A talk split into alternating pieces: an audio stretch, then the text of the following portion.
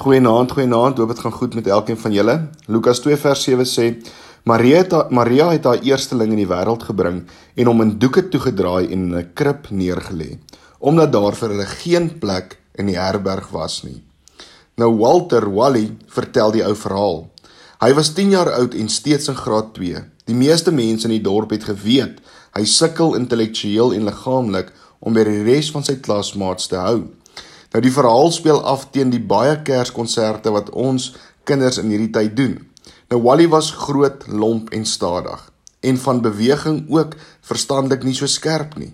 Party kinders het van hom gehou, ander het hom as 'n irritasie ervaar omdat hy stadig was en nie aan die speletjies wou deelneem nie. Hy het gewoonlik 'n manier gevind om hom uit te sluit by hulle. Een jaar was dit Wally se ideaal om in die kers kerk se kersspel die skaapwagter om te fluit te wees. Maar die toneelafrigter het ook besef dat Wally se musiek talent nie te waffers is nie en toe eerder die rol van die herbergier aan hom toegeken. Wally se groot lyf sou lekker krag gee aan die rol in die toneel waar hy vir Josef en Maria moet wegwys en die rol het nie 'n veel dialoog geverg nie. Hy hoef dus nie te veel woorde te leer nie en Wally was in die wolke gewees oor sy belangrike rol. Die groot aand het aangebreek en daar staan Josef en Maria voor Wally. "Wat wil julle hê?" vra die herbergier kort af by die deur. "Ons soek slaapplek," het Josef gesê.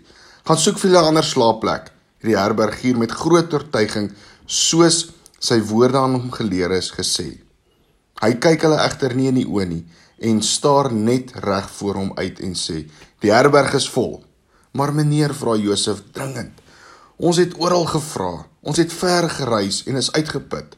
Dit maak geen verskil nie. Hier is geen plek in hierdie herberg vir julle nie. Gaan nou."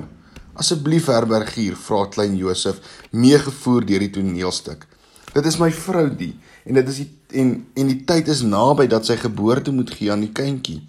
Jy moet tog iewers 'n ou plekkie hê waar ons kan gaan rus. Vir die eerste keer kyk Wally na Maria toe en hy sien haar gesig is moeg, swanger lyfie en daar is 'n lang stilte, lank genoeg om die gehoor gespanne te maak van verleentheid. "Nee, gaan weg," fluister Wally vir hulle. Hartseer sit Josef sy arm om Maria en begin wegloop.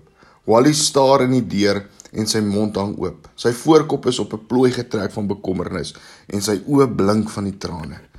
En skielik is daar 'n wending in die kerspel. "Josef, wag, moenie loop nie," skree Wally. Roep vir Maria terug. 'n Glimlag breek oor sy gesig. "Julle kan mos my kamer kry." Daar was mense wat gedink het hy het hierdie kerspel verwoes, maar die meeste het gereken dit was die heel mooiste een wat hulle al ooit gesien het. Sjoe. Kom ons bid saam. Here, gee dat ons U sal raak sien as U verby ons gaan. Nie net in hierdie tyd nie, maar so ook elke dag. Amen. Mooi aand verder vir elkeen van julle.